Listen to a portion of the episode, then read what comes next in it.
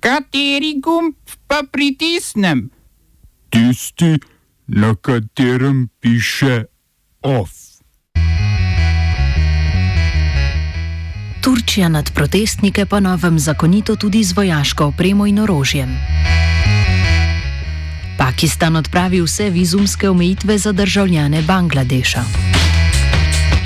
Vlada sprejela novo strategijo sproščanja ukrepov za zajezitev novega koronavirusa.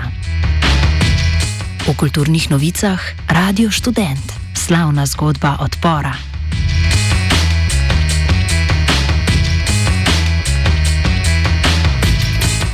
Pakistan je odpravil vse vizumske omejitve za državljane Bangladeša. Gre za enega pomembnejših korakov k normalizaciji diplomatskih odnosov med dvema večinsko muslimanskima državama, katerih srčika spora sega v leto 1971, ko je takratni vzhodni Pakistan v vojni porazil Pakistan in razglasil neodvisnost. Povojne napetosti so politični vrhunec dosegle leta 2009, ko je Bangladeš ustanovil sodišče za pregon vojnih zločincev, strasti pa se od tedaj zlagoma umirjajo, o čimer priča tudi omenjeni ukrep pakistanske vlade. Ta od bangladeških oblasti sedaj pričakuje enakovredno odločitev, torej odpravo omejitev pri izdajanju viz za pakistanske državljane. Ameriška policija je sporočila, da je poškodbam, ki jih je prejel med protestom podpornikov predsednika Donalda Trumpa, podlegel tudi eden izmed policistov Kapitola. Do zdaj so mediji poročali o štirih smrtnih žrtvah. Ena izmed njih je bila protestnica, ki so jo ustrelili policisti. Šlo je za množico Trumpovih privržencev, ki so po koncu shoda Rešimo ZDA silo vstopili v zgradbo Kapitola. Medtem voditeljica demokratske večine v predstavniškem domu Nancy Pelosi zahteva sprožitev postopka v skladu s 25. amandmajem ustave, ki zaradi opravilne nesposobnosti predvideva odstranitev Trumpa z mesta predsednika. V tem primeru bi predsedniška pooblastila prevzel podpredsednik Mike Pence, a se, a se ta scenarij glede na skorajšnjo zamenjavo oblasti ne zdi ravno verjeten.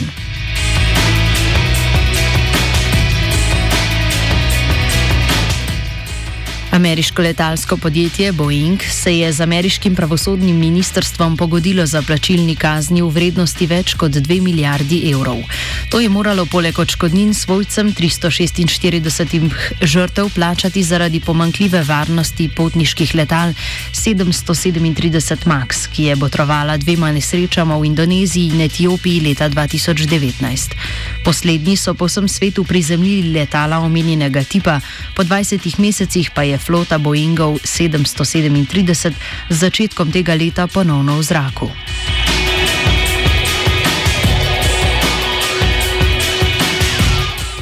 Študentski protesti na Istanbulski univerzi Bogaziči, ki potekajo zaradi Erdoganove odločitve, da bi na čelo univerze imenovali Meliha Buluja, se kljub mnogim aretacijam nadaljujejo. Protestniki so prepričani, da gre za še en primer Erdoganovega umešavanja v izobraževalni sektor. Veliko zgražanja je povzročilo tudi včerajšnje sprejetje zakona, ki policijo omogoča, da zoper protestnike in teroristične napadalce uporabi vojaško opremo in težko streljno orožje. V Turčiji sicer že nekaj časa traja velika gospodarska kriza, podpora vladi pa se iz dneva v dan znižuje. Južnokorejsko sodišče je vložilo prvo civilno tožbo proti Japonski zaradi vojnih zločinov. Tokrat Južna Koreja od Japonske zahteva plačilo odškodnine 12 ženskam, ki so bile v času japonske kolonizacije Korejskega polotoka prisiljene v nudenje spolnih uslug. Osrednje kazansko sodišče v Seulu je včeraj odločilo, da je Japonska preživelim ženskam obdobja dolžna plačati odškodnino v višini 900 tisoč evrov.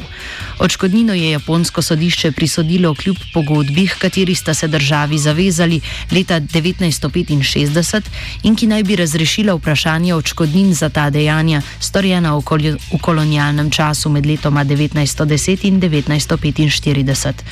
Japonski premijer Katsunobu Kato je sodbo označil kot nesprejemljivo.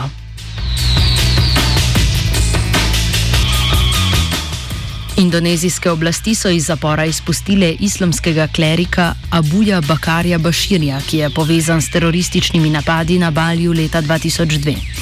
Bašir je bil pred aretacijo vodja džihadistične milice Džamaja Islamija, sicer zaveznice Al-Kaide. Zaprt je bil zaradi financiranja vojaškega urjenja džihadistov v, Indonezi, v indonezijski provinci Ače. Sodelovanje v seriji smrtonosnih napadov na Balju, ki so zahtevali 202 žrtvi, pa še vedno zanika. Po dobrih devetih letih prestajanja predvidene 15-letne zaporne kazni so ga oblasti predčasno izpustile, čeprav naj bi imel v tej največji muslimanski državi na svetu še vedno precejšen vpliv in veliko privržencev.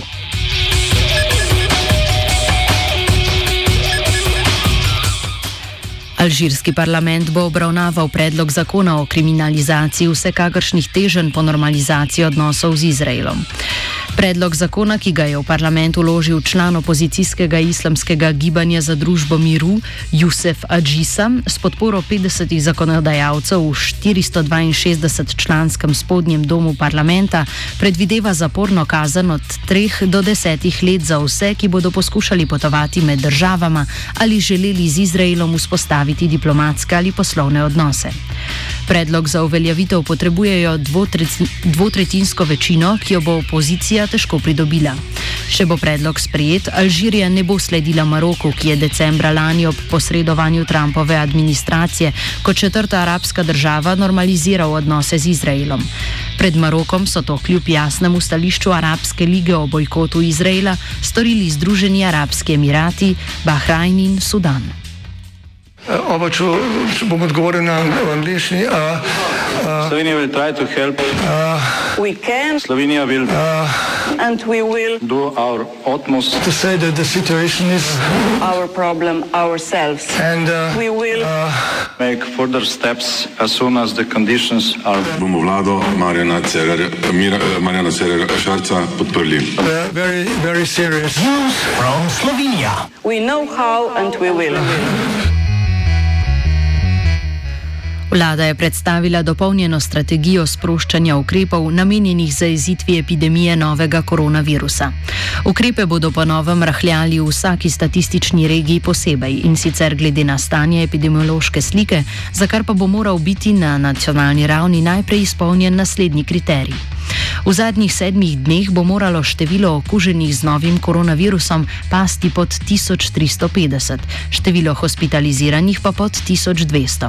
O sproščanju ukrepov bo vlada odločala vsak teden posebej, prvič prihodnjo sredo.